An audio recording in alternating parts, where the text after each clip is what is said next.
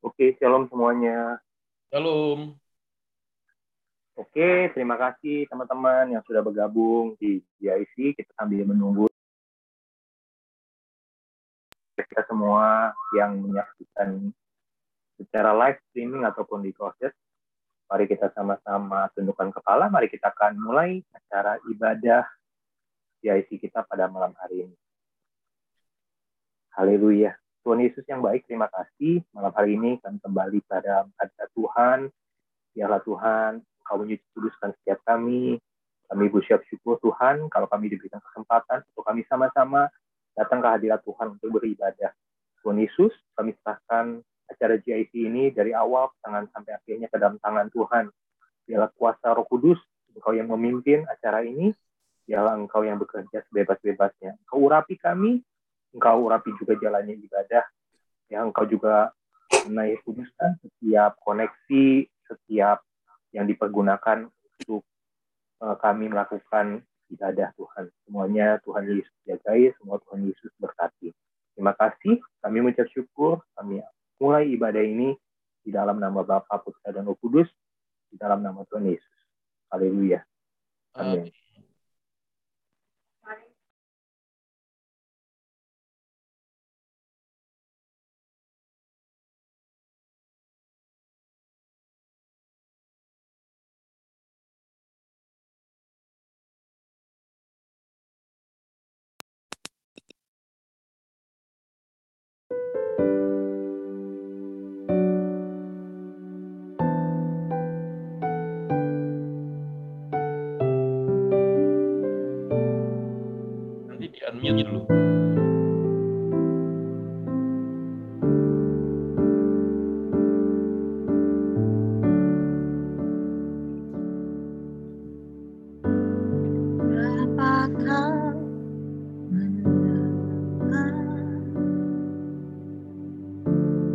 that one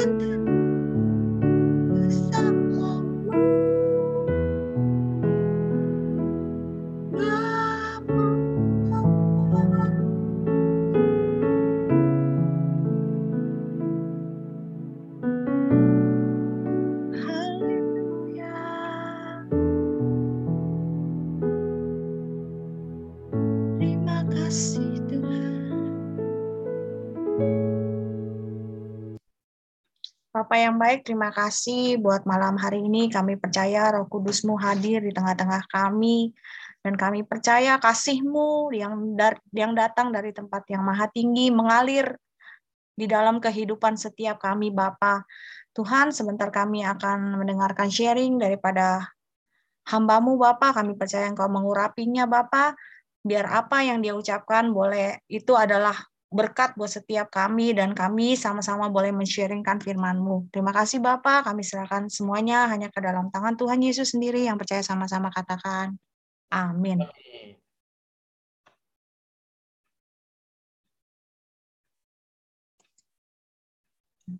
Shalom semua.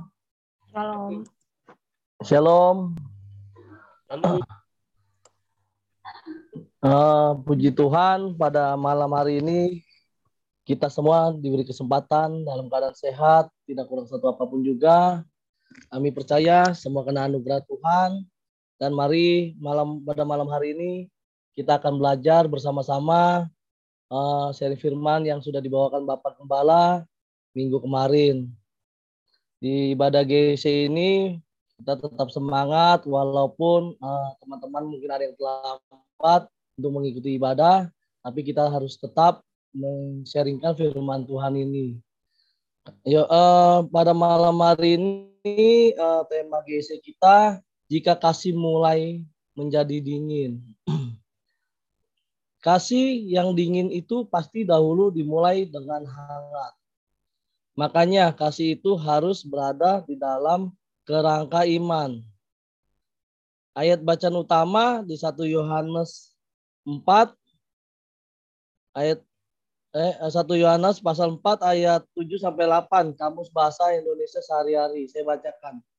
Saudara-saudara yang tercinta, marilah kita mengasihi satu sama lain sebab kasih berasal dari Allah. Orang yang mengasihi adalah anak Allah dan ia mengenal Allah. Ayat 8-nya, orang yang tidak mengasihi tidak mengenal Allah sebab Allah adalah kasih. Amin. Nah, kita sebagai orang percaya, kita harus saling mengasihi tanpa pamrih. Karena kasih itu adalah naturnya Allah dan hanya di dalam Tuhan sajalah kita bisa saling mengasihi. Kita menjadi karakter kasih. Di sini ada ayat ada firman Matius 24 ayat 12 sampai 13 eh, saya bacakan eh, kamus firman Allah yang hidup. ayat 12 dari Matius 24 di mana-mana dosa akan merajalela dan karena itu kasih kebanyakan orang akan luntur. Ayat 13 tetapi mereka yang bertahan sampai akhir akan diselamatkan. Kasih yang menjadi dingin adalah kasih yang luntur. Karena pengaruh dosa, pola komunitas sudah jauh berbeda, jauh dari persekutuan dengan Tuhan, hidup seenaknya, materi jadi Tuhan. Nah, di sini kita akan bahas bagaimana supaya kasih berada di dalam inovasi. Yang pertama, sadarilah bahwa perubahan dunia tidak harus merubah karakter ilahi. Yang pertama ini saya tangkap uh, kita harus menyadari perubahan dunia itu adalah suatu keadaan pada kita, pada kehidupan kita. Uh, contoh seperti hari Jumat saya pernah mengalami, uh, saya berangkat ke kantor, saya um, dalam posisi keadaan tuh motor saya tiba-tiba bocor tanpa sebab, tanpa paku, dan saya selalu selalu mengucap syukur. Saya nggak marah. Saya bilang, Uh, saya bilang uh, puji Tuhan saya bisa memberkati puji Tuhan ada berkat di dalam setiap musibah saya. Nah dari situlah aku ketemu tukang tambal ban. Nah ketika aku berbicara dengan tukang tambal ban aku tuh bicara dengan kasih. Uh, Pak saya uh, bersyukur bisa tambal ban ini. Uh, saya tidak marah-marah saya malah mengucap syukur gitu. Karena apa? Tuhan itu memberkati Bapak secara unik melalui saya ban bocor, dan diperiksa pun juga tidak ada masalah. Aman-aman aja gitu. Tidak ada paku. Nah di situlah saya bercerita dengan bapak tambal ban itu. Nah sambil cerita dia juga sambil menambal ban.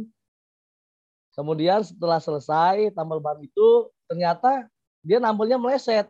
Nah nah di situ aku kan jadi nggak enak. Jadi aku juga tetap uh, memberi kasih ya udah pak tetap uh, yang yang meleset ini tetap saya bayar Bapak nggak usah khawatir gitu saya bilang begitu. Tetapi puji Tuhan ya kalau kita memberi kasih, tukang tambelnya itu malah tidak usah Pak, tidak perlu bayar. Dia bilang. Jadi dia membalas kasih saya, dia balas dengan kasih lagi gitu Pak. Jadi uh, inilah yang namanya kita kalau kita berbuat kasih itu pasti orang pun juga akan tersentuh dan dia membalas kasih. Biasanya kebanyakan orang dunia itu pasti ambil.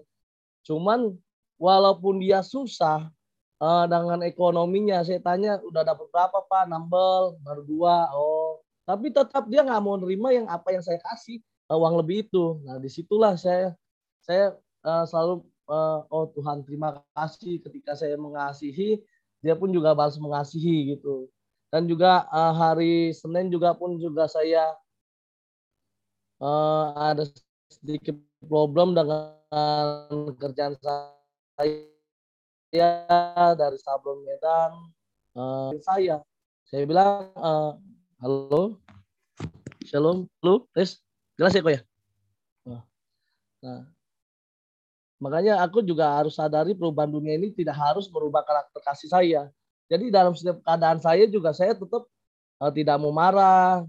Customer marah ke saya saya tetap menghadapi juga dengan kepala dingin. Saya bilang kok saya hubungi Koko ini bukan untuk mencari masalah, tetapi saya hubungi Koko ini untuk mencari jalan keluar supaya saya juga tidak mau merugikan Koko. Jadi dari dia marah sama saya dengan saya balas dengan kasih dengan apa uh, secara tanggung jawab, akhirnya juga dia mereda gitu. Akhirnya dia mau mengikuti apa uh, karena kalau kita mau klaim asuransi ke pihak JNE itu pun harus ada investigasi. Jadi dia mau mengikuti uh, saran saya seperti ini seperti ini. Tapi saya tetap akan ganti walaupun JNE belum klaim ganti rugi ke saya. Saya jelasin saya akan ganti kerusakan koko. Nanti saya akan kirim barang lagi. Nah di situlah. Jadi dari kalau saya marah pun juga saya bisa marah. Karena apa? Kesalahan ini pure bukan kesalahan saya. Kesalahan ini pure dari kesalahan JNE kalau saya lepas tanggung jawab pun juga saya bisa. Tapi kan saya nggak mau karena saya mau kerja dengan benar gitu dengan bertanggung jawab jadi ketika saya bekerja bertanggung jawab saya percayalah kalau saya memang Tuhan saya udah kerja benar kalau emang udah rada seperti ini saya tetap nggak mau melarikan diri saya percaya kalau saya nanti rugi 20 juta juga saya percaya tahun depan omset saya bisa lebih besar lagi. Jadi saya selalu berpikir positif. Walaupun itu bukan kesalahan saya, saya bilang uh, mungkin juga Tuhan mau membentuk karakter saya sebagai pebisnis yang handal gitu. Karena kan kalau secara 20 juta itu sangat besar, saya bilang. Sudahlah, uh, kalau Tuhan mau jadiin saya lebih besar lagi, mungkin Tuhan mau menempa saya. Mau menempa saya lebih uh, besar lagi. Jadi dia uh, buat saya mental saya supaya kuat untuk ke depannya apabila saya memiliki omset yang lebih tinggi lagi saya nggak perlu khawatir gitu. Jadi namanya usaha, dalam dalam usaha itu pasti namanya ada untung pasti saya akan dapat ada namanya rugi 20 juta saya percaya saya akan punya untung lebih besar daripada 20 juta. Nah dalam setiap saya sadari bahwa setiap perubahan dunia itu jangan sampai merusak kasih kita. Walaupun kita keadaan dalam keterpurukan walaupun kita dalam apa pun kita tetap tebar kasih jadi kasih itu bukan juga kasih yang apa ya eh, kasih yang pura-pura gitu nah yang kedua di sini bagaimana supaya kasih berada dalam inovasi yang kedua itu saya tangkap kenalilah Allah yang kamu sembah nah ayatnya di 1 Yohanes 4 ayat eh, firmannya di 1 Yohanes 4 ayat 7 sampai 8 nah kalau kita mau memiliki kasih, sebelumnya kita harus kenal Tuhan kita dulu. Karena apa? Kasih agape itu adalah kasih di mana kasih tanpa pamrih. Tuhan Yesus datang ke dunia terlebih dahulu menyayangi kita. Dia memberi kasih kepada kita. Makanya Tuhan datang ke dunia ini supaya kita juga bisa memiliki karakter karakter Kristus. Harus serupa dengan Tuhan. Di mana kita harus mengalah. Kan mengalah itu juga belum tentu kita salah gitu dan mengalah itu juga belum tentu kita kalah. Kita sebagai anak Tuhan itu ya kita mendengarkan dulu bagaimana caranya kalau misalnya setiap ada problem kita harus dengarkan apa cara keluarnya tetapi harus dengan kasih. Makanya kalau kita ingin memiliki kasih ya kita kenali Tuhan kita. Tuhan kita sebelumnya hadir di dunia ini untuk menjadi contoh dan memberi contoh kepada kita supaya hidup kita juga sesuai dengan Kristus. Jadi kalau kita sudah mengenal Tuhan, ya berarti kita memiliki kasih karena Allah adalah kasih. Yang ketiga, jangan hidup seperti orang dunia. Biarkan Tuhan mengubah hidupmu. Uh, firmannya ada di Roma 12 ayat 2. Saya bacakan ya.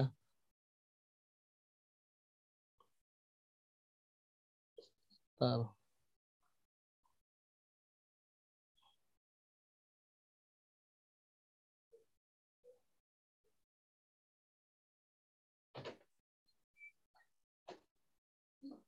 Sebentar saya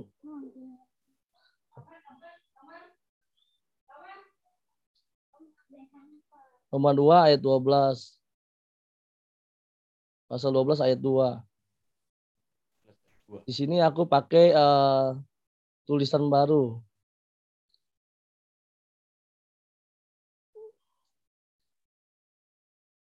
Bersukacitalah dalam pengharapan.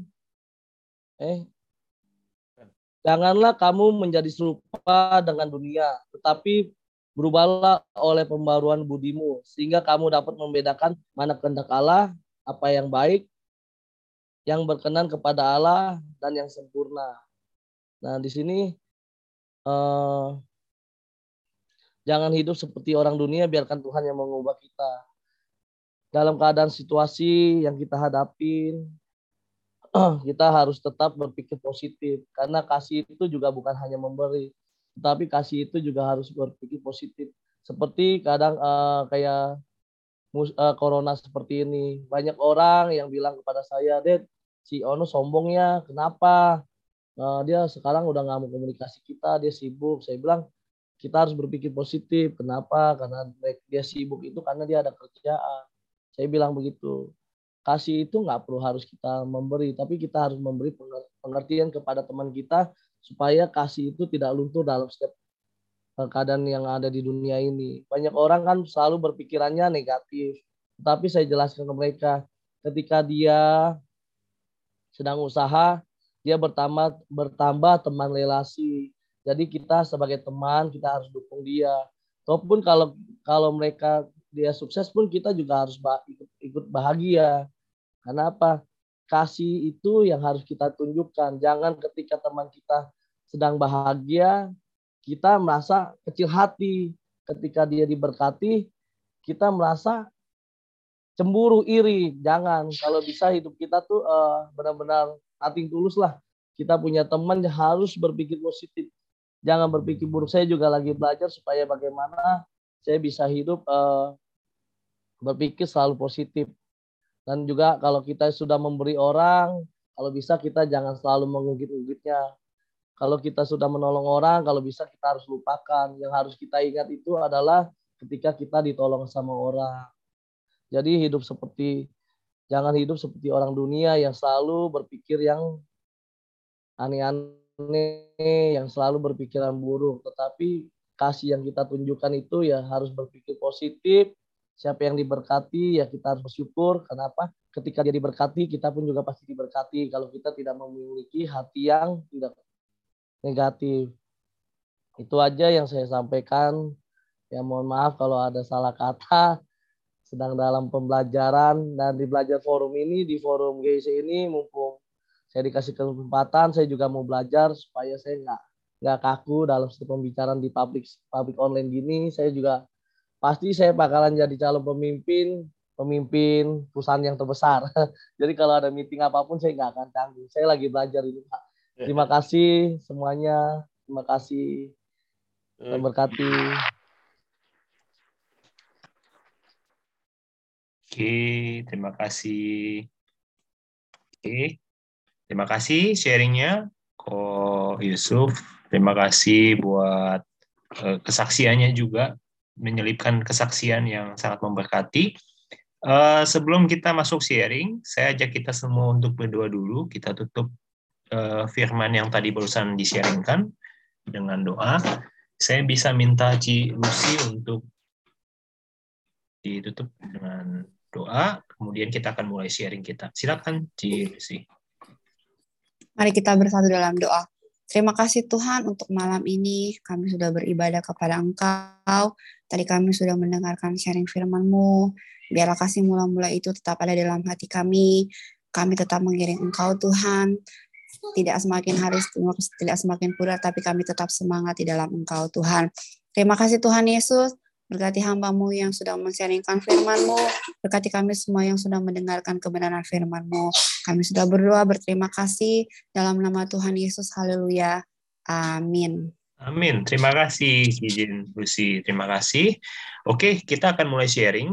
Sangat menarik ya, seperti apa yang sudah di-sharingkan oleh uh, Pak Gembala hari Minggu. Kita mengulang apa yang disampaikan bahwa Eh, ketika kasih mulai menjadi dingin. Tadi ada tiga hal, tiga poin yang sudah disampaikan dan diulang, diulas kembali oleh Ko eh, Yusuf ya. Eh, kita mulai mungkin akan sharing dengan pengalaman kita, mungkin secara tadi sudah disampaikan ya, kalau Ko Yusuf ada mengalami hal-hal di dalam kehidupannya satu minggu terjadi apa ban uh, kempes, kemudian ada juga masalah dengan usahanya. Jadi sekali lagi ya, jadi orang percaya atau orang Kristen bukan artinya tidak ada masalah ya teman-teman. Karena dulu pernah ada orang bilang, kok saya jadi orang Kristen kok makin banyak masalah. Ya saya bilang sebenarnya jadi orang percaya nggak jadi orang percaya sama aja ada masalah selama kita masih hidup ya tetap pasti ada masalah. Oke, tapi uh, tadi sudah di-sharingkan oleh Ko Yusuf. Saya mau dengar sharingnya nih, mungkin. Wah, selamat datang, Koko, Pastor. Halo, shalom. Saya shalom, shalom. Baru ya, ya, ya. Datang di waktu yang tepat, karena kita baru sharing. Okay. Semoga giginya baik semuanya. Not me, kita, tapi ya? Pak Anton. Pak Anton yang ke dokter gigi. Iya, semoga giginya baik. Apa ini? Oke, kita akan mulai sharing ya. Uh, mulai mungkin dari yang laki dulu nih. Kemarin yang wanita, sekarang yang laki-laki dulu. Saya mungkin mau mendengar dari Koko Rudi dulu nih. Silakan.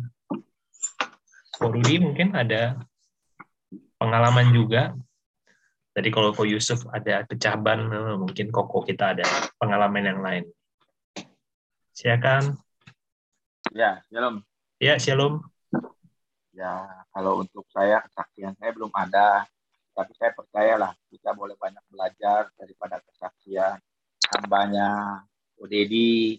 Ya, saya percayalah ketika kita belajar mengerti arti tentang kasih, saya percaya kita akan diubahkan Tuhan semakin hari semakin baik. Ya, karena kasih Tuhan itu menutupi ketidakbaikan kita.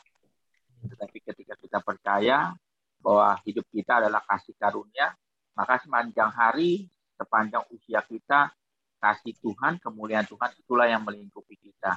Saya percayalah pada malam hari ini kita boleh belajar banyak tentang kasih.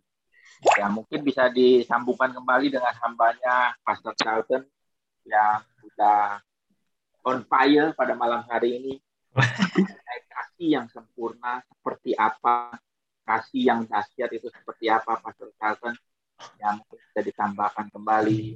Ditambahkan sekaligus menyambung. Silakan mungkin Pastor Carlton bisa disambung. Kasih yang sempurna itu. Yoi.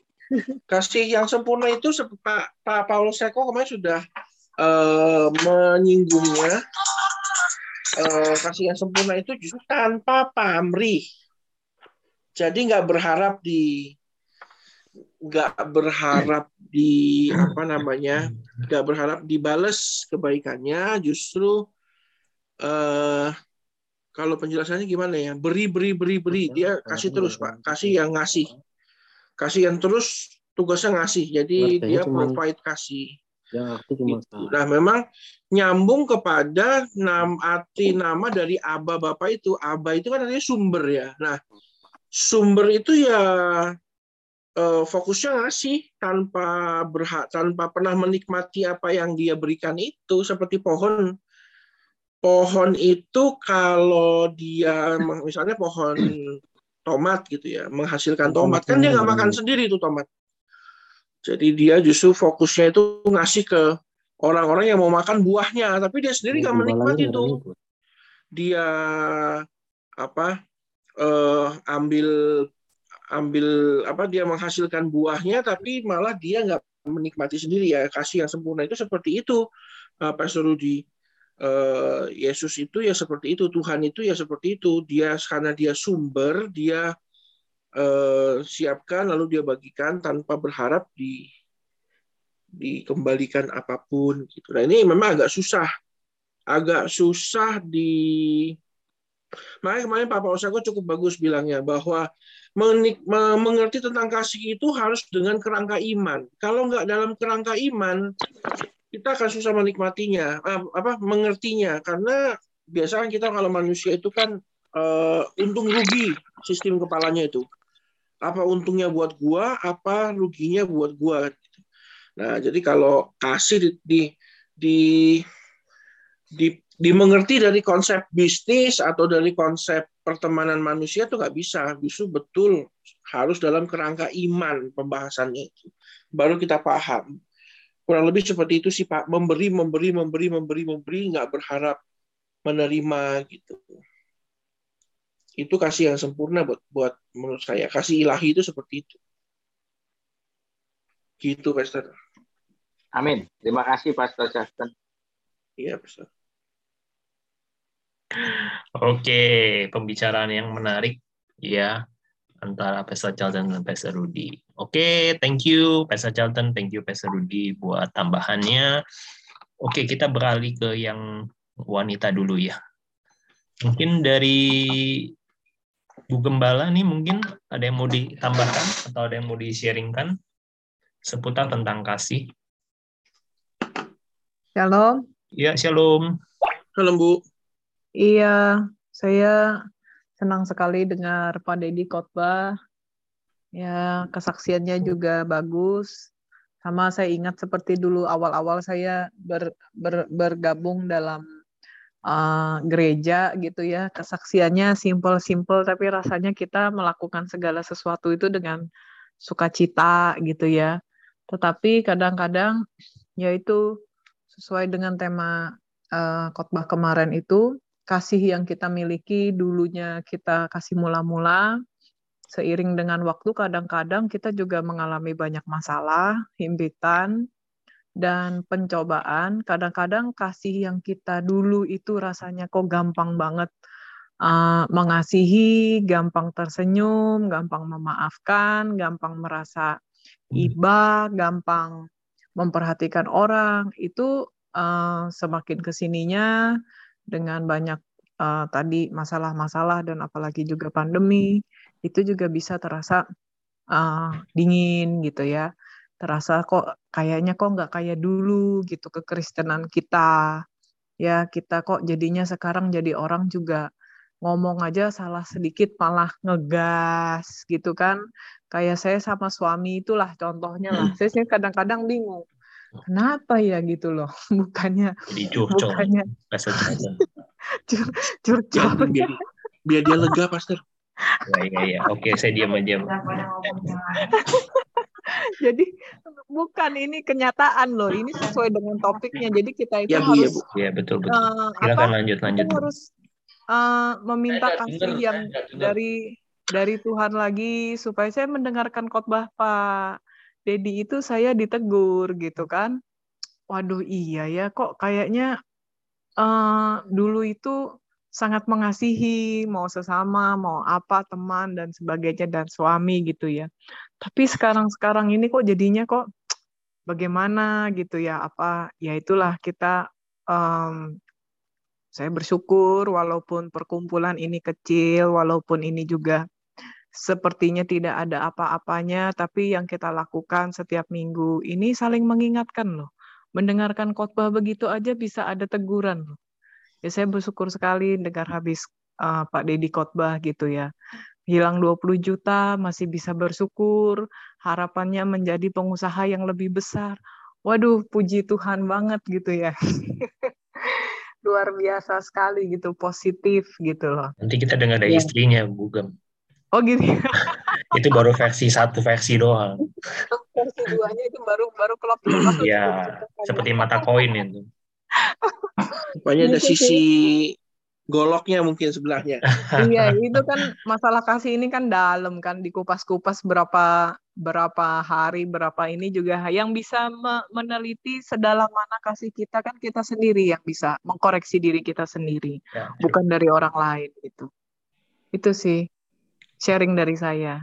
Baik. Terima kasih. Oke, terima kasih Bu Gem. Oke, uh, terima kasih buat uh, tambahannya nggak apa-apa ya teman-teman ya kita sekali lagi buat yang menyaksikan ini secara live stream ataupun recorded uh, apa yang kita lakukan di GIC ini bukan menunjukkan siapa yang lebih pintar atau lebih uh, tahu ya jadi kita semua sama-sama di dalam komunitas komunitas GIC ini adalah semua adalah sama ya. Adalah perkumpulan orang-orang yang mau belajar ya. Dengan kerendahan hati kita mau mendengar satu dengan yang lain. Seperti tadi ya Bugem bilang ya. Eh, kita bisa mendapatkan sesuatu malah dari orang lain ya. Mungkin yang orang pikir ah biasa gitu ya. Orangnya kayak Ko Yusuf mungkin orang biasa pengusaha biasa karyawan biasa yang mungkin secara notabene kalau kita kenal kan biasa. Tapi kita bisa mendapatkan uh, value ya tentang kasih dari ceritanya beliau gitu ya. Jadi sekali lagi kita bisa belajar bersama-sama. Jadi jangan uh, jangan merasa cerita kita ah remeh-temeh atau ah saya malu untuk berbagi ya. Jangan ya. Jadi mungkin yang seperti tadi yang uh, Pak Yusuf tadi awal cerita mungkin remeh-temeh ya, mungkin secara secara apa? ah ban bocor aja kenapa diceritain tapi ada value di sana oke okay? Jadi saya nggak mau banyak-banyak saya cuman uh, mau berharap merangsang buat setiap kita yang ada di grup ini ayo sama-sama kita sharingkan apa yang menjadi uh, apa ya value yang kita dapatkan dari journey kita uh, selama mungkin masa-masa di dalam masa-masa pandemi ini ketika kita ikut Tuhan ya, seperti tadi Bu Gem bilang gitu ya ada hal-hal yang mungkin dirasakan dan dialamin. Oke, tadi Bu Gem sudah, nah, tadi Pastor Rudi juga sudah. Saya mau dengar dari dari Bu Lusinya deh tadi karena Pastor Charlton mau penasaran apakah dua hal tadi juga diketahui oleh Bu Lucy atau apakah ada komentar mungkin yang lain? Harap-harap cemas ini. Enggak, kok, Fen. Hmm. Uh, setuju sama suami saya malam ini. Oh gitu ya. Oh, baru malam ini udah setuju. kan GIC memulihkan keluarga. Malam mau kalah sama keluarga Ko Rudi. Oh, Kalau Rudi semakin gitu. hari semakin Mesra. luar biasa. Oke, ya. puji Tuhan. Makin ya. mesra kita mau ngikutin juga. Iya, iya, iya, ya. puji Tuhan, puji Tuhan. Ada bawa bawa tuh. Aduh. Oke, oke. Terima kasih Cijen. Iya. Terima kasih juga okay. Rudi untuk menjadi panutan ya, kakak panutan buat si Lucy dan Ko Yusuf. Semakin hari semakin mesra, semakin hari kasihnya semakin besar. Amin, amin. Saya juga menemukan hal yang menarik sih hari okay. Minggu kemarin gitu. Baru pertama kali saya mendengar Ko Rudi bilang saya pengen cepat-cepat pulang katanya dicariin istri. Baru kali ini gitu ya. Dia memikirkan itu gitu. Biasanya itu semoga semoga dompetnya Bu Febe nggak dibawa Pak Rudi. oh, itu ya. Ada lagi. Balikin tempat gua enggak ya, enggak, enggak. Pak Rudi bisa mengkonfirmasi. Just loh, Pak Rudi. Just kidding, just for lab. Bukan, Pastor. Ya, masalahnya dia belum makan. Saya belum kasih makan. Wah. Rupanya Bapak grab food ya. iya, kalau burung nggak dikasih makan kan mati, Pastor. burung perkutut. Jangan burung, beruang kutub aja mati kok. burung doang apa yang makan apa? Oke, oke. Kita kan belajar kasih pas Oh iya. Oh iya iya iya sangat kasih di sudah iya, iya, benar, benar, benar. Iya, betul, betul. Sangat sangat connected banget. Oke, okay, thank you, thank you. Luar biasa, very guys. Oke, kita beralih ke yang laki-laki dulu. Pak Henry Giovanni, apa kabar? Shalom, Pak. Ya, shalom. Ya, shalom. Bagaimana? Ini uh, apa nggak ada saya sengaja nggak videoin soalnya takut koneksinya agak ini Oke, nggak apa-apa. Bisa apa -apa. mendengar suara dengan baik. Bisa mungkin share atau ada sesuatu yang menarik mungkin yang mau diceritakan. Silahkan. Apa ya? Minggu ini saya kemungkinan hanya ini aja ya menyimak uh, apa Ko Yusuf ya. Itu hmm. benar-benar hmm. apa menusuk hati saya juga soalnya. Karena gini ya, ja, ja, kalau saya nih ya, saya kan hmm. karena kan baru kenal Tuhan juga baru. Hmm. Jadi biasanya saya kalau ada sesuatu hal yang kayak contohnya ban tiba-tiba kempes, jangan kan ban kempes ketemu lampu merah aja kadang kadang saya suka marah. Ke, iya kadang-kadang suka marah gitu kena lampu merah. Aduh merah lagi. Aduh kenapa tadi harusnya di luar biar enggak, enggak lampu merah. Hmm. Itu itu menusuk hati saya juga. Jadi tentang hal contohnya seperti teman tadi kayak uh, temennya uh, menjauh, hmm. kayak dia dapat pekerjaan atau apa gitu. Jadi saya juga kadang-kadang, uh kok nyentuh juga ya. Jadi kadang-kadang kita, uh, saya ya, bukan kita, saya, saya itu kadang-kadang suka berpikir, wah nih temen sombong nih, dulu susah nggak inget nih gitu. Hmm. Jadi ini juga, ini loh, dia tegur juga saya jadinya uh, buat masukan buat hidup saya juga hmm. bahwa memang kalau kasih itu tidak memikirkan untung dan rugi. Hmm. Jadi kasih itu bagaimana kita menjadi berkat untuk orang lain intinya hmm. itu. Terima kasih Pak itu Ko Yusuf udah. Oke. orang diberkati Ko Yusuf. Terima kasih. Jangan lupa. Iya, sama terutama juga hmm. itu apa Pak Gembala banyak hari Minggu saya walaupun tidak datang tapi saya selalu setia di online mendengarkan. Amin. Terima kasih. Amin Pak Hendri. Ya itu aja. Berkati Pak Hendri ya. dan keluarga sehat selalu ya. Terima kasih ya. sudah sharing hari ini. Thank you. Ya, terima kasih. Pak Fendi. Pak Fendi. Ya. Berarti minggu depan khotbahnya Pak Yusuf lagi, Pak. Oh iya, silahkan. Suruh tiga kalau minggu dia. Kalau Bu Gembala bersabda mungkin bisa dipikirkan. Ya, oke. Terima kasih tambahannya buat dari Pak Hendri dua orang diberkatin. Ya, sekali lagi saya mau katakan teman-teman tidak ada satu perkataan yang remeh ya, yang kecil gitu sifatnya. Mungkin kita sederhana, orang sederhana, mungkin dengan kisah yang sederhana, tapi dengan kisah-kisah sederhana uh, kita bisa memberikan sebuah impact ya buat seperti tadi ya mungkin ada juga ternyata dialami oleh Pak Hendri, oleh Bu Gembala gitu ya, dengan kisah-kisah kecil seperti tadi. Oke, tadi sudah. Oke, saya mau beralih ke yang wanita dulu nih. Ada Bu Tabi, Citabi. Kemarin nggak ketemu Pesta Charlton. Citabi mungkin ada yang mau di, bisa di unmute? Ada yang Udah, mau diceritakan atau mau di-sharingkan? Silahkan. Ya, paling eh, gimana ya, kalau mengasihi orang yang baik sama kita kan gampang ya. Tapi kalau mengasihi orang yang jahat sama kita itu kan susah banget. Susah banget, betul. Sedangkan Setuju. Tuhan maunya kita mengasihi orang, yang jahat sama kita. Oke. Jadi ini kayaknya sepertinya pertanyaan mungkin ya. Iya. Gimana gitu ya caranya ya. Kalau yang mengasihi kita, kita kasihin balik gampang gitu ya. Tapi Iya. gimana caranya nih kalau orangnya nggak nggak nggak baik ya. Mungkin Pastor Charlton nih, ini, ini, ini banyak mengalami asam dan garam sehingga Iya, iya. bisa Makanya saya gemuk, karena kalau saya stres saya makan. soalnya. Oke, silakan Pastor Charlton.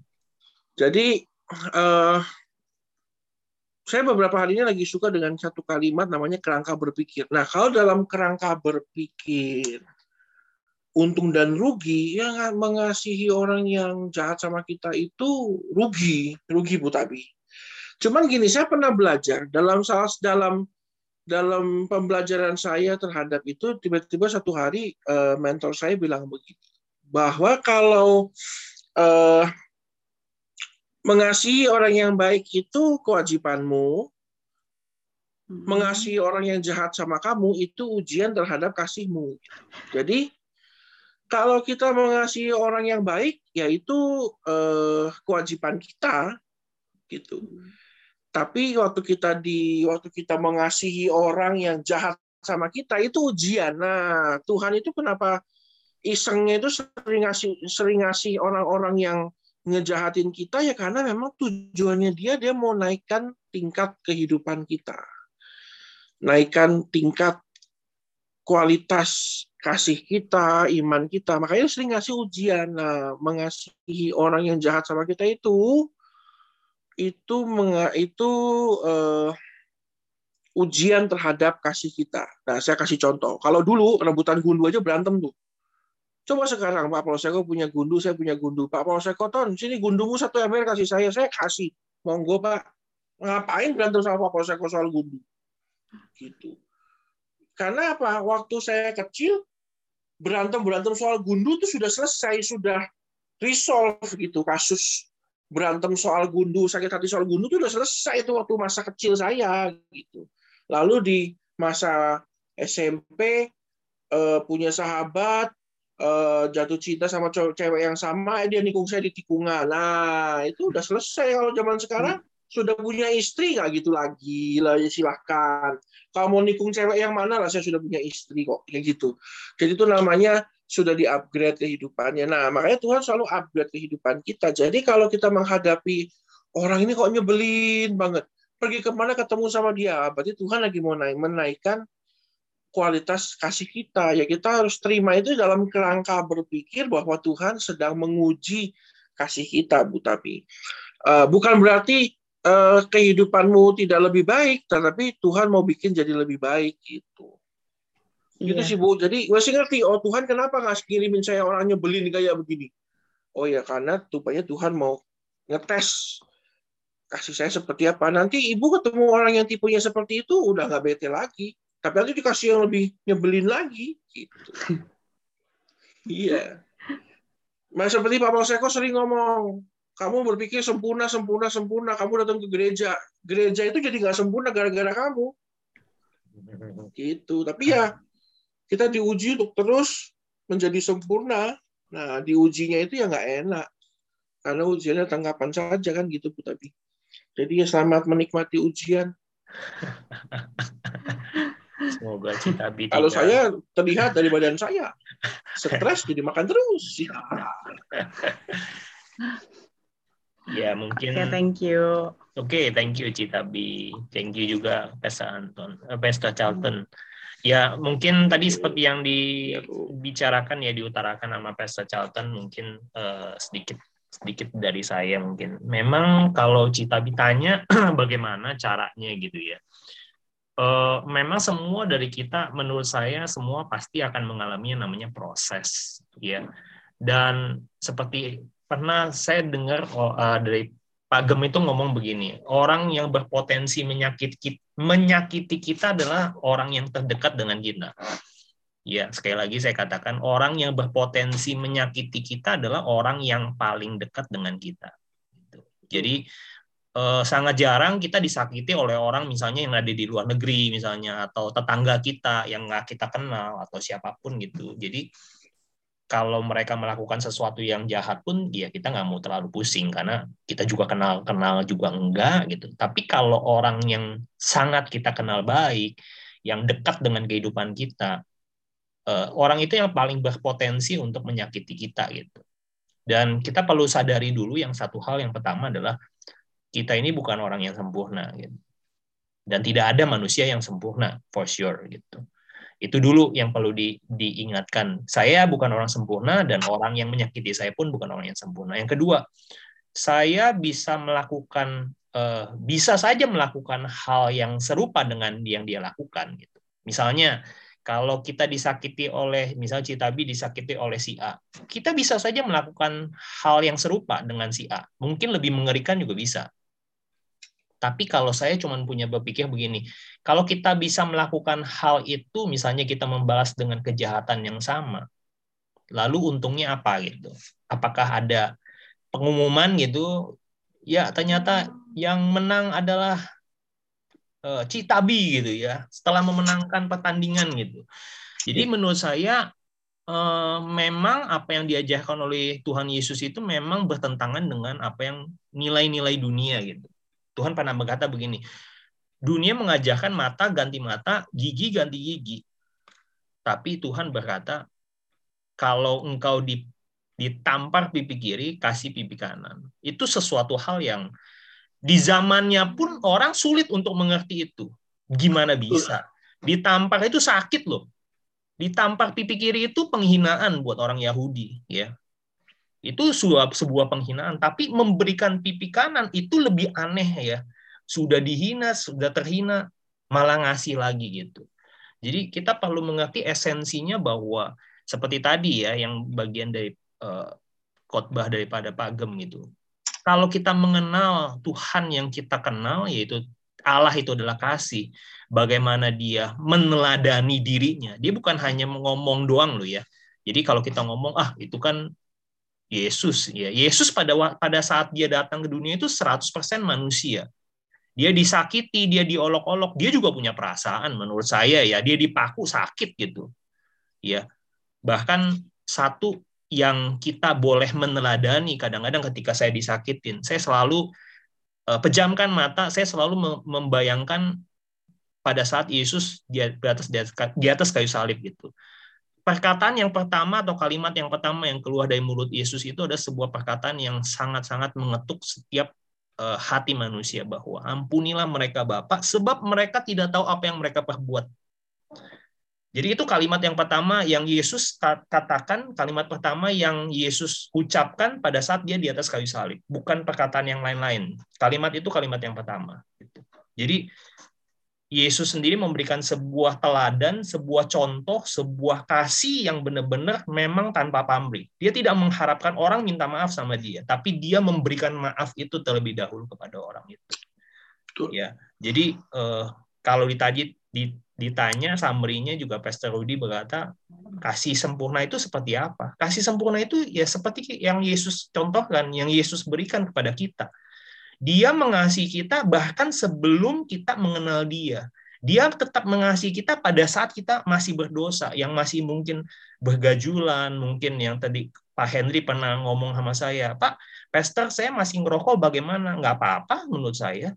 Tuhan Yesus sayang sama kamu. Kamu mau merokok, kayak tapi kalau kamu mau lebih sayang sama Tuhan Yesus, kamu tahu apa yang harus kamu lakukan gitu. Ya, jadi nggak usah sibuk kita melihat siapa dan siapa. Role model kita adalah Tuhan gitu. Menurut saya sih seperti itu. Prosesnya tentu nggak bisa seperti tadi yang saya katakan mudah seperti Yesus lakukan itu nggak mudah. Tapi sekali lagi semua orang itu tadi kayak Pastor Charlton, ujian itu kan nggak mungkin kita anak SD dikasih ujian yang SMA, nggak mungkin, soalnya terlalu berat.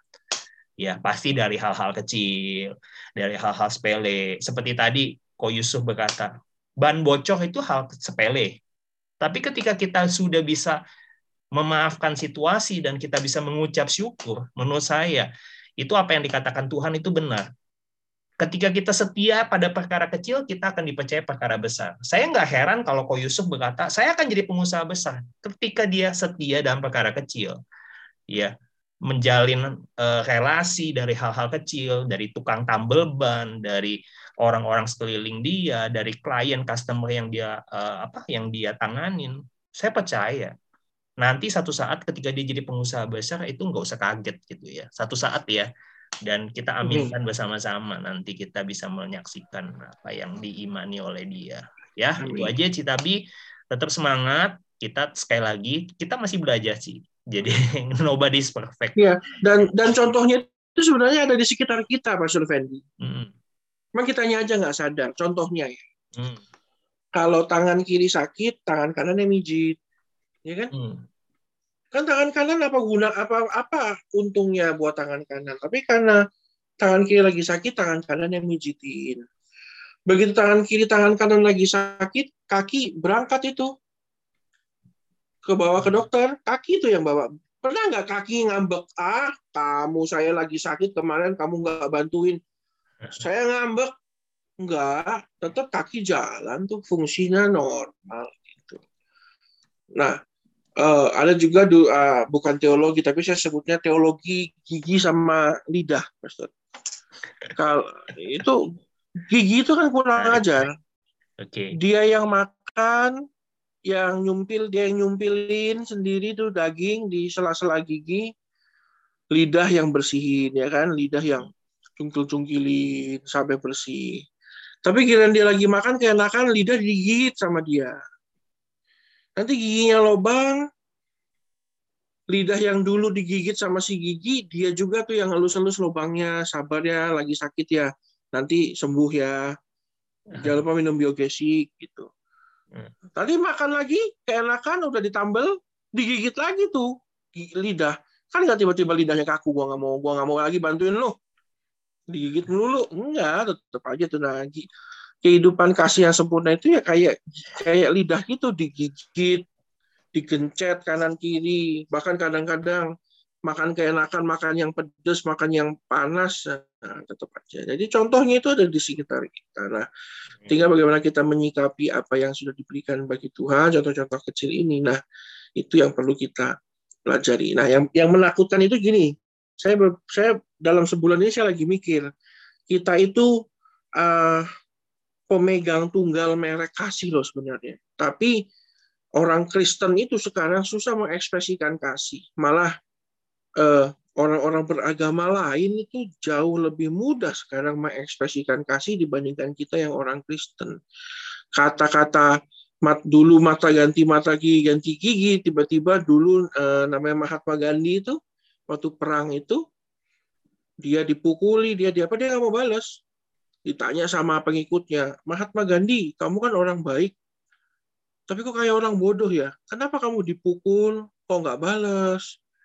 Di, diludahin kok kamu nggak balas? Kenapa kamu nggak balas? Dia cuma bilang begini, dia mengutip kalimat dalam perjanjian, dalam perjanjian lama. Kalau setiap kali mata ganti mata, gigi ganti gigi, maka separuh dari dunia ini itu but, uh, buta dan buta ompong. dan ompong Ya, correct. Jadi lebih baik kita nggak usah balas. Jadi bayangkan orang Hindu seperti Mahatma Gandhi ya bisa mengerti konsep kasih dibandingkan kita loh. Orang yang diajarkan langsung oleh sang sumber. Nah, jangan sampai khotbah kemarin itu terjadi waktu kita sudah mulai dingin. Karena kalimat pertama dari khotbahnya Pak Polseko yang saya catat, kasih itu dingin tapi berarti dulunya pernah hangat. Nah, jangan sampai mantan gitu loh. Kamu mantan apa? Mantan pendeta, Pak. Mantan orang baik. Justru kita harus kembali jadi orang yang bukan mantan hangat, tapi mantan dingin dulu saya dingin sekarang saya hangat seperti itu ya Bu Tabi dan kita semua jadi pembelajaran sebuah teguran juga buat diri kita Betul, betul. Apa yang dikatakan Pastor Charlton itu betul. Jangan pernah salahkan kopimu yang dingin, karena dia pernah hangat dan kau cuma dingin. Oke, lanjut. Silakan ada Pak Santo nih. Pak Santo sudah balik. kopiku kental Shalom semuanya. Ya, Shalom. Gimana Pak Santo? Sudah di rumah Kopinya atau di kontrakan ini? Ya Pak, Kopendi kenapa? Ini di, di rumah atau di kontrakan kok? Di rumah. Oh, Oke, ya. oh ya bagus Ada yang mau di diutarakan mungkin? Karena kemarin kan ikut ikut Sunday service juga langsung. Ya, kalau berbicara dengan soal kasih ya semua orang juga mungkin merasakan ya. Apalagi kita sebagai anak-anak orang yang percaya pada Tuhan kasih seperti Suaranya kurang keras Pak Santo. seperti Citabi yang tadi bicarakan itu saya juga pernah mengalaminya ya. Mungkin saya banyak seperti itu yang saya alami. Tapi kembali lagi kalau mungkin kalau saya seperti orang dunia mungkin saya lawan. Tapi karena kita anak-anak Tuhan yang sudah dikasihi karena kasihnya Kristus ya paling saya dengan solusi saya seperti itu paling saya hanya bisa berdoa. Berdoanya ya seperti salah satunya yang ucapan kata saya pertama ya pertama ampuni saya dulu gitu ya. Tuhan ampuni saya dulu. Mungkin saya ada kesalahan. Dan kedua ya ampunilah ya Tuhan dia itu yang yang menyalahkan saya itu. Mungkin berdasarkan pengalaman saya seperti itu ya kali ya. Saya sering kalau saya itu saya nggak membalas saya hanya berdoa aja sih. Kalau udah berdasarkan sampai sekarang ini yang saya alami soal tentang kasih itu. Itu sih kalau buat berbagi kasih berdasarkan yang selama saya alami itu aja sih. Ya. Berarti ngadu sama Tuhan lah ya. Ya gitu aja sih Oh, kalau gitu saya ya. Ta- Tapi selesai nggak tuh, Kok Santo? ya pasti mujizat tuh ada lambat laun karena Maksudnya kenyataan orang dengan orang yang bermasalah itu bagaimana gitu? orang In the end-nya lama-lama maksudnya. Itu kan tadi kan Kok Santo ada cerita mungkin ada orang yang mungkin salah sangka atau berburuk sangka lah ya, kira-kira seperti itu. Nah, gini loh, maksudnya kalau kita udah melakukan itu, kita juga nggak perlu membalas dia tahu-tahu kemudian sadar kembali gitu loh. Oh, Hmm, karena kita nggak membalas gitu. Itu Oke. sih yang saya alami. Dia pun jadi baik sama saya seperti Oke, itu. puji Tuhan. Oke, terima kasih kesaksiannya Kok Santo. Menambahkan apa yang tadi disilakan oleh Pastor Charlton dan eh, untuk Citabi ya mungkin ya itu salah satu hal yang mungkin dikerjakan juga berdoa. Ya, oke, thank you. Kok Santo nggak ada pertanyaan sama Kok Charlton atau memang udah bosan bertanya? Lain kali kita Sungguh tega. bareng lah. Makasih Mister sama-sama Mas Oke, Santo. thank you. kita makan bakso situku lagi Oke, oke, thank you. Nama. Terima kasih Kok Santo. Eh, yang terakhir nih ada Pesta Daniel. Nanti habis ini langsung saya kembalikan ke Gem. Pesta Daniel? Bandung aman?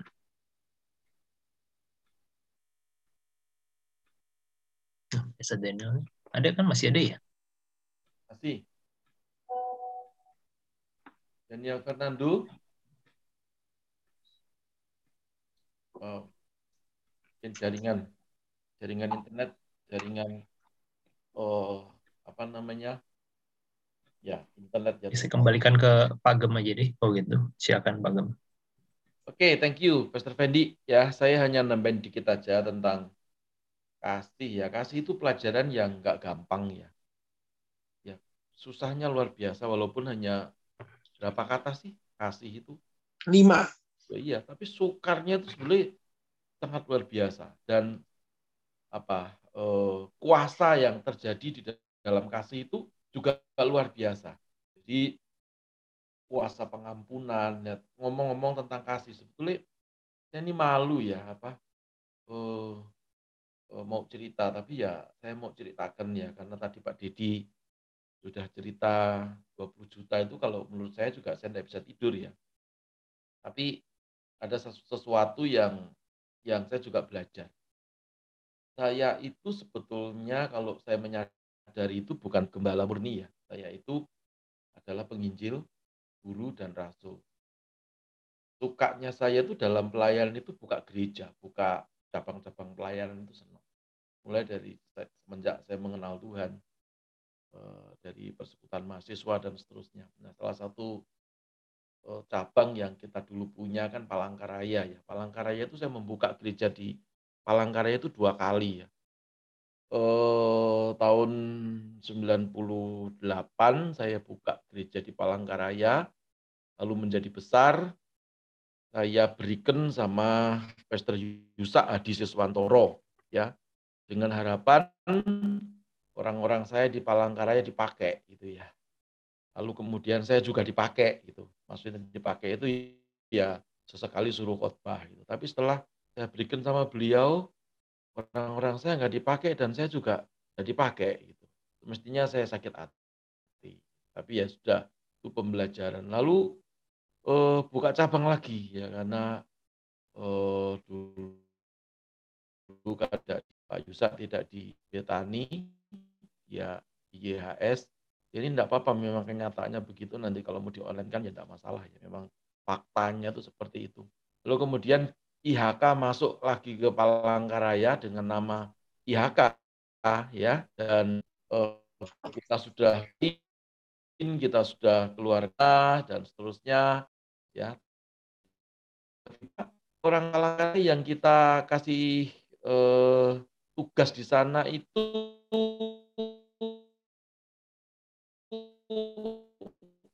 memisahkan diri dan gitu ya dan itu dilegalkan oleh sinode bahkan di, di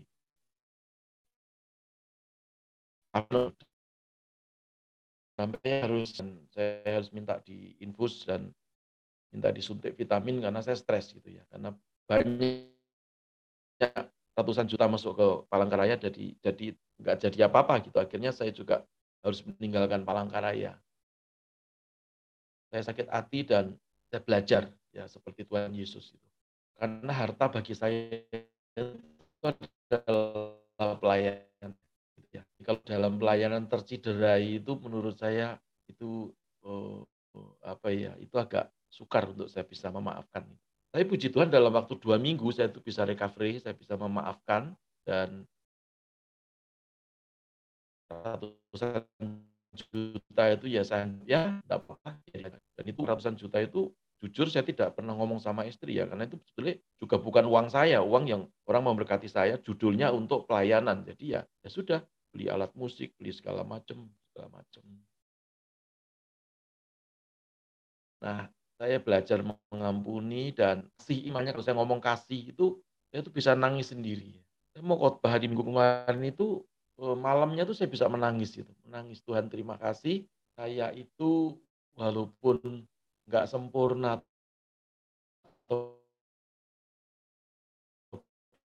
belum sempurna. Saya itu ketua sinode yang lama bukan ketua sinode sekarang. Ketua sinode sekarang itu waduh HP-nya luar biasa ya. Malah mau kasih kita ini yang sekarang? Ya beda banget itu ya. Oh, apa? Saya ngampuni, saya juga ngampuni eh, apa gembala pelaksana yang di Palangkaraya dan plong-plong aja gitu ya. Tapi butuh waktu dua minggu untuk bergumul loh teman-teman, tidak gampang. Makanya saya itu bisa marah dengan orang yang nggak bisa ngampuni. Saya bisa marah kepada orang yang dia berkata itu sukar loh, itu saya oh, itu nggak bisa saya itu mengerti tentang dia. Saya tuh bisa ngomong, saya tuh ngalami saya tuh ngalami mungkin kalau teman-teman itu ya eh, kerugian materinya cuma sedikit ya. Belum belum tenaga, belum eh, semua. Kalau saya ngalami ya materi ya, tenaga ya, segala macam tiket ke Palangkaraya itu PP bayar sendiri hotel eh, bayar sendiri, makan makan sendiri malah bayari mereka orang. oh, diakon diakonis itu kalau satu kali makan itu bisa 2, sekian juta dan seterusnya itu ya bayar saya. Pada akhirnya saya ditelikung dari belakang dan hebatnya Tuhan itu bukan hebatnya saya. Kalau saya ini kan stres dua, dua minggu. Stres kayak orang linglung, bener-bener gitu ya. Oh, yang pertama sudah dikitukan sama orang hebat. Yang kedua, orang saya sendiri begitukan sama saya. Tapi puji Tuhan, Tuhan ngajari saya dan eh, bisa melewati masa-masa sukar seperti itu. Sehingga saya bisa menyimpulkan ya bahwa betulnya kasih itu luar biasa ya kalau kita bisa mau belajar ya, mau belajar tentang kasih. Tuhan itu akan membantu kita untuk bukan kita menjadi orang yang paling sempurna. Tapi paling tidak itu kita bisa tersenyum ya kalau kita sudah lulus akan ujian itu kita bisa ngomong kepada orang aku sudah ngalami. Jadi ayo kalau aku saja Tuhan tuntun dan bisa kamu juga pasti bisa. Ya gitu ya. Jadi itu kesaksian saya. Saya tidak eh, apa ya, tidak nambahi tentang firmannya apa begitu dan seterusnya. Karena saya sendiri walaupun pendeta itu masih belajar tentang kasih ya. Tadi Pastor Fendi ngomong orang yang berpotensi untuk bisa menyakiti kita itu bukan orang jauh, bukan Charlton yang rumahnya jauh dari saya. Ya, tapi yang dekat satu rumah dengan saya, yang terutama setiap malam tidur dengan saya itu siapa lagi kalau bukan istri saya. Itu berpotensi untuk menyakiti saya. Saya pun juga berpotensi menyakiti dia. Nah, sekarang gimana caranya supaya kita itu pada waktu tersakiti itu tidak bereaksi dengan berlebihan. Kalau dulu, waktu zaman saya di Surabaya, bahasanya tuh bahasa kebun binatang eh, monokromo itu keluar semua. Tapi sekarang itu ya mendingan. Ya paling saya banyak diem dan Ya istri saya juga begitu. Dan itu perubahan-perubahan yang Tuhan ajarkan kepada kita. Ya mari kita semuanya coba pikir ya, Tuhan Yesus saja ngasih kita itu memberikan nyawanya. Itu ya juga yang menghibur saya. Saya hanya habis 300 juta saja masa apa dibandingkan dengan pengorbanannya Tuhan saya mau hitung-hitungan. Walaupun saya mau itu alat musik apa kursi segala macam apa. Ya, mungkin kalau kursi enggak, tapi alat musik bisa saya ambil. Bahkan alat musik yang terbaik dari gereja IHK Jakarta, saya taruh di Palangkaraya, saya naikkan pesawat Garuda Indonesia, ya waktu itu mahal banget, ya dan seterusnya banyak sekali ya, total-total ya 300 jutaan habis. Gitu ya. Itu pun saya bisa ngampuni. Dan sekarang saya nggak punya uang segitu banyak, 300 juta. Nggak ada. Ya, tapi sebetulnya ada, cuman saya titipkan di surga. Lacinya nomor 7 itu kuncinya sudah ada. Jadi tinggal saya buka aja. Ya, teman-teman itu kesaksian saya. Jadi jangan terlalu banyak kita oh, apa tersakiti lalu merasa terzolimi, tidak diorangkan. Apa ya, kok saya tidak orang tidak kita diorangkan kok sama Tuhan. Ya, saya ngomong ya, apa ya, semenderita menderitanya kalian itu kalau di grup ini ya, 11 orang ini mungkin yang paling menderita itu saya loh ya. Ya pusi orang kayak gitu, dibesarkan, dididik, diajari khotbah, dan, dan semuanya diajarkan, tapi ujung-ujungnya sikat Facebook di blog, WA di blog,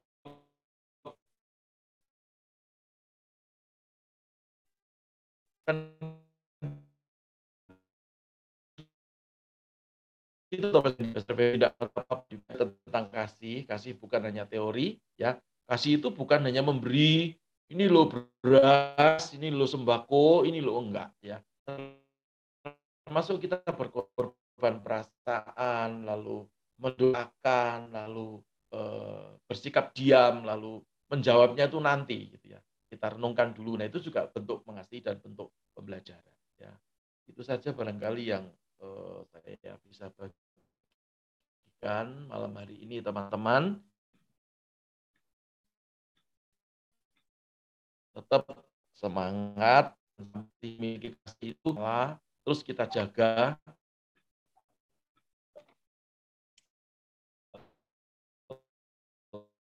Kalau tadi Pastor harus membara ya tetap semangat. Kalau waktu kita masih pacaran tuh coba lihat. Tangan kita nyentuh tangan pacar kita itu kan rasanya gereng gitu ya. Nah itu kan masih awal-awal. Tapi kalau sudah lama, digosok-gosokkan begitu aja malah hmm, sana kan gitu ya. Tapi mari kita belajar uh, mengasihi itu nggak gampang dan pelajaran kasih itu adalah pelajaran yang paling berat ya di antara seluruh apa yang Yesus Kristus sendiri ajarkan. Ya menurut saya ya. Bahkan kalau ada orang ngomong yang paling berat mati, Pak. Enggak. Yang paling berat itu mengasihi. Itu paling berat. Benar. Ya, itu hukum yang paling berat itu hukum mengasihi orang yang nyebelin kita itu berat banget ya.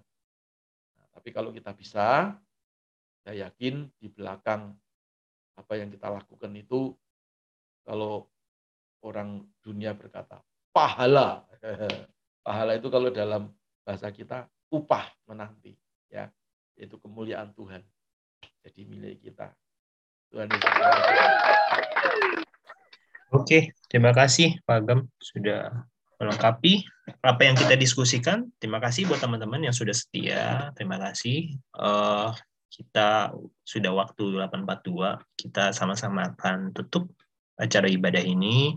Saya boleh minta Ko Yusuf ya untuk berdoa syafaat. Nanti Pastor Charlton akan berdoa berkat. Silakan.